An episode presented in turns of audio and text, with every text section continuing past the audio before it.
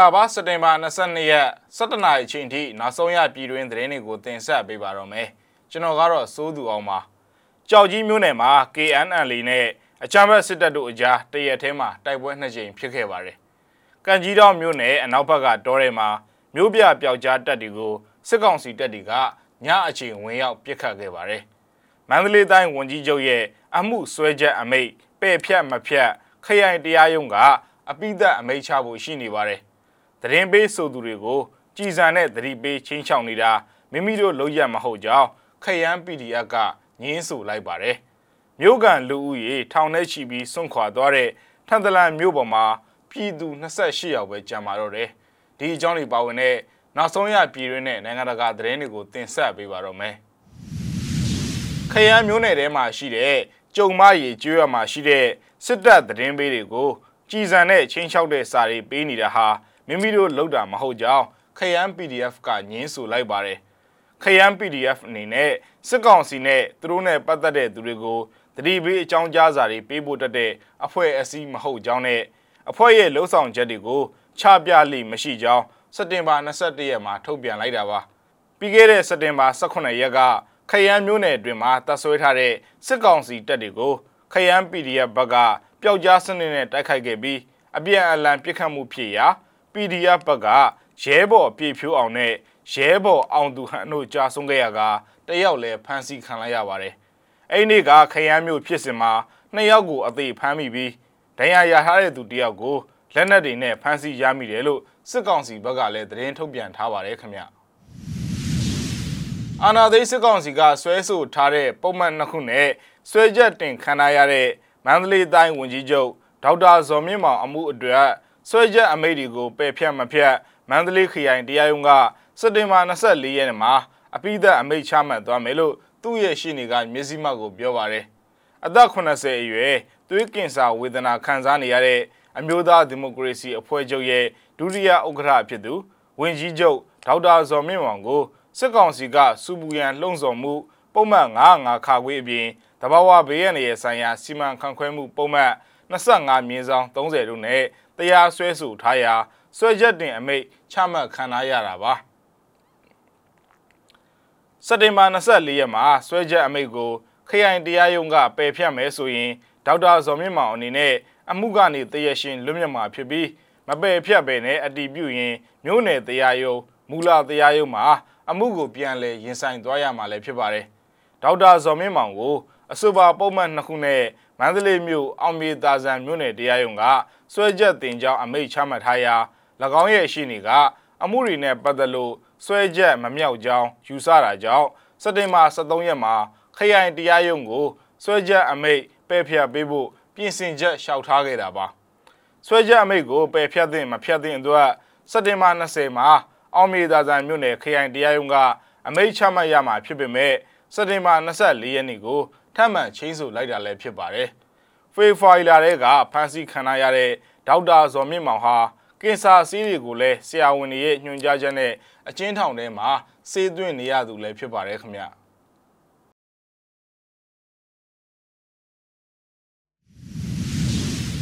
လူဦးရေတထောင်ကျော်နေထိုင်တဲ့ချင်းပြည်နယ်ထန်တလန်မြို့ပေါ်မှာစက်တင်ဘာ18ရက်နေ့ပြစ်ခတ်မှုအပြီးမြို့ကန်လူဦးရေ ထောင်နဲ့ချီပြီးနေရက်ကိုစွန့်ခွာခဲ့ကြရပါတယ်။စစ်ကောင်စီရဲ့ပြစ်ခတ်မှုကြောင့်နေအိမ်တွေမီးလောင်ကျွမ်းခဲ့ရပြီးမင်းငိမ့်တပ်ဖို့လာတဲ့သင်းအုပ်ဆရာတယောက်ကိုပါစစ်တပ်ကပြစ်တက်ခဲ့တာပါ။ဒေသခံတွေကြောက်လန့်ခဲ့ကြပြီးနောက်ဆက်တွဲအနေနဲ့ထန်တလန်မြို့မှာအိမ်တော်စု၃စုက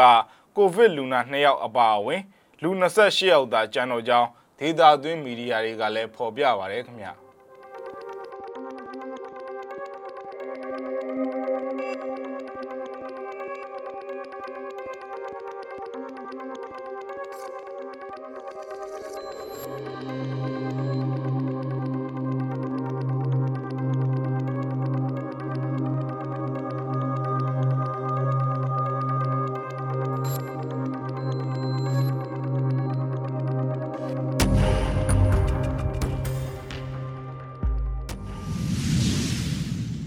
AR တိုင်းဒေသကြီးကံကြီးတော်မြို့နယ်မကူကျွန်းကျွော်အနောက်ဘက်တော်ထဲမှာစခန်းချတဲ့မြို့ပြပျောက်ကြားတပ်ဖွဲ့ကိုအကြမ်းဖက်စစ်ကောင်စီတပ်တွေက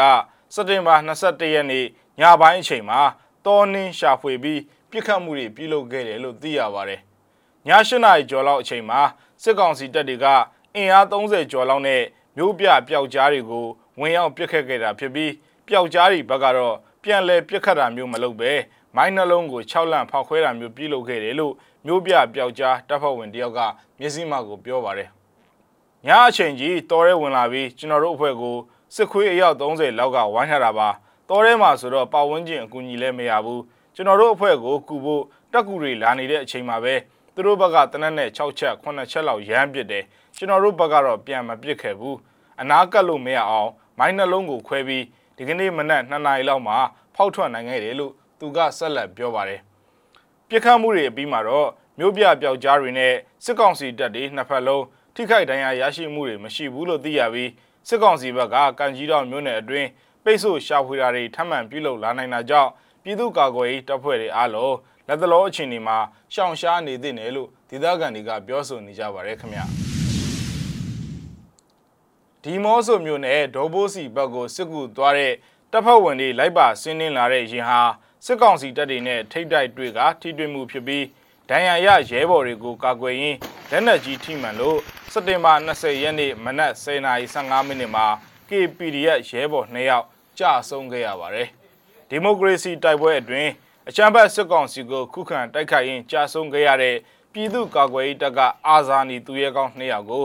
အာဇာနည်သူရဲကောင်းတွေအဖြစ်မှတ်တမ်းတင်ဂုဏ်ပြုပါကြောင်း KPDF ကထုတ်ပြန်ခဲ့တာလည်းဖြစ်ပါတယ်ခင်ဗျ။ ညောင်လေးပင်ခရိုင်ကြောက်ကြီးမြို့နယ်ထဲမှာကရင်အမျိုးသားလွတ်မြောက်ရေးတပ်မတော် KNL နဲ့အချမ်းဘတ်စစ်ကောင်စီတို့အကြားမနေ့ကတရက်ထဲတိုက်ပွဲနှစ်ကြိမ်ဖြစ်ပွားပြီးစစ်အုပ်စုဘက်ကအယောက်20ကျော်ထိခိုက်ဒဏ်ရာရရှိသွားတယ်လို့ KNU ကထုတ်ပြန်ထားပါတယ်။စက်တင်ဘာ21ရက်မနက်9:00နာရီချိန်လောက်က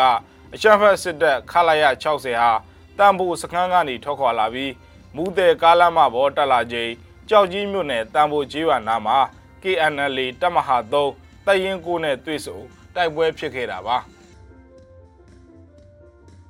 ဒါအပြင်မှာနေ့လယ်ပိုင်း12နာရီလောက်အချိန်ကလည်းစောမီလူဒေသမှာတိုက်ပွဲဖျက်မှန်ဖြစ်ပွားခဲ့ပြီးအဲ့ဒီတိုက်ပွဲနှစ်ကြိမ်အတွင်းစစ်အုပ်စုဘက်ကအယောက်20ကျော်ထိခိုက်ဒဏ်ရာရရှိခဲ့တာဖြစ်ပါတယ်။ KNU ကြောက်ကြီးမြို့နယ် KNL တရင်ကိုနယ်မြေမှာအာနာသိန်းအကြမ်းဖက်စစ်ကောင်စီတပ်ကတန်ဖိုးမူတဲ့ကားလန့်ကိုဒေသခံတွေကန့်ကွက်နေတဲ့ကြားက ပြန်လည်ဖောက်လုပ်ခဲ့ပြီးနောက်ပိုင်းမကြာခဏဆိုသလိုတိုက်ပွဲဖြစ်နေတာပါမူတဲ့စခန်းမှာတက်ချနေတဲ့စစ်ကောင်စီတပ်ကဒေသခံလူထုရဲ့လုပ်ငန်းဝင်တွေကိုလက်နက်ကြီးတွေနဲ့မကြာခဏဆိုသလိုပြစ်ခတ်မှုတွေလှုပ်ဆောင်နေခဲ့တယ်လို့လည်းကလူအဖန်ကဖော်ပြပါတယ်စစ်ကောင်စီတပ်ရဲ့စစ်ရေးလှုပ်ရှားမှုတွေကြောင့်ကြောက်ကြီးမြို့နယ်ခဲတဲ့ကြေးရွာအုပ်စုတဲကပြည်သူတွေဟာထွက်ပြေးသိမ်းရှောင်နေရပြီးညောင်လေးပင်ခရိုင်တမဟာသုံးနယ်မြေအတွင်းမှာ စစ်ဘေးရှောင်ဒုက္ခသည်ဥယေ9000လောက်ရှိပြီလို့ KNU ရဲ့ထုတ်ပြန်ချက်အရသိရပါတယ်ခင်ဗျာ။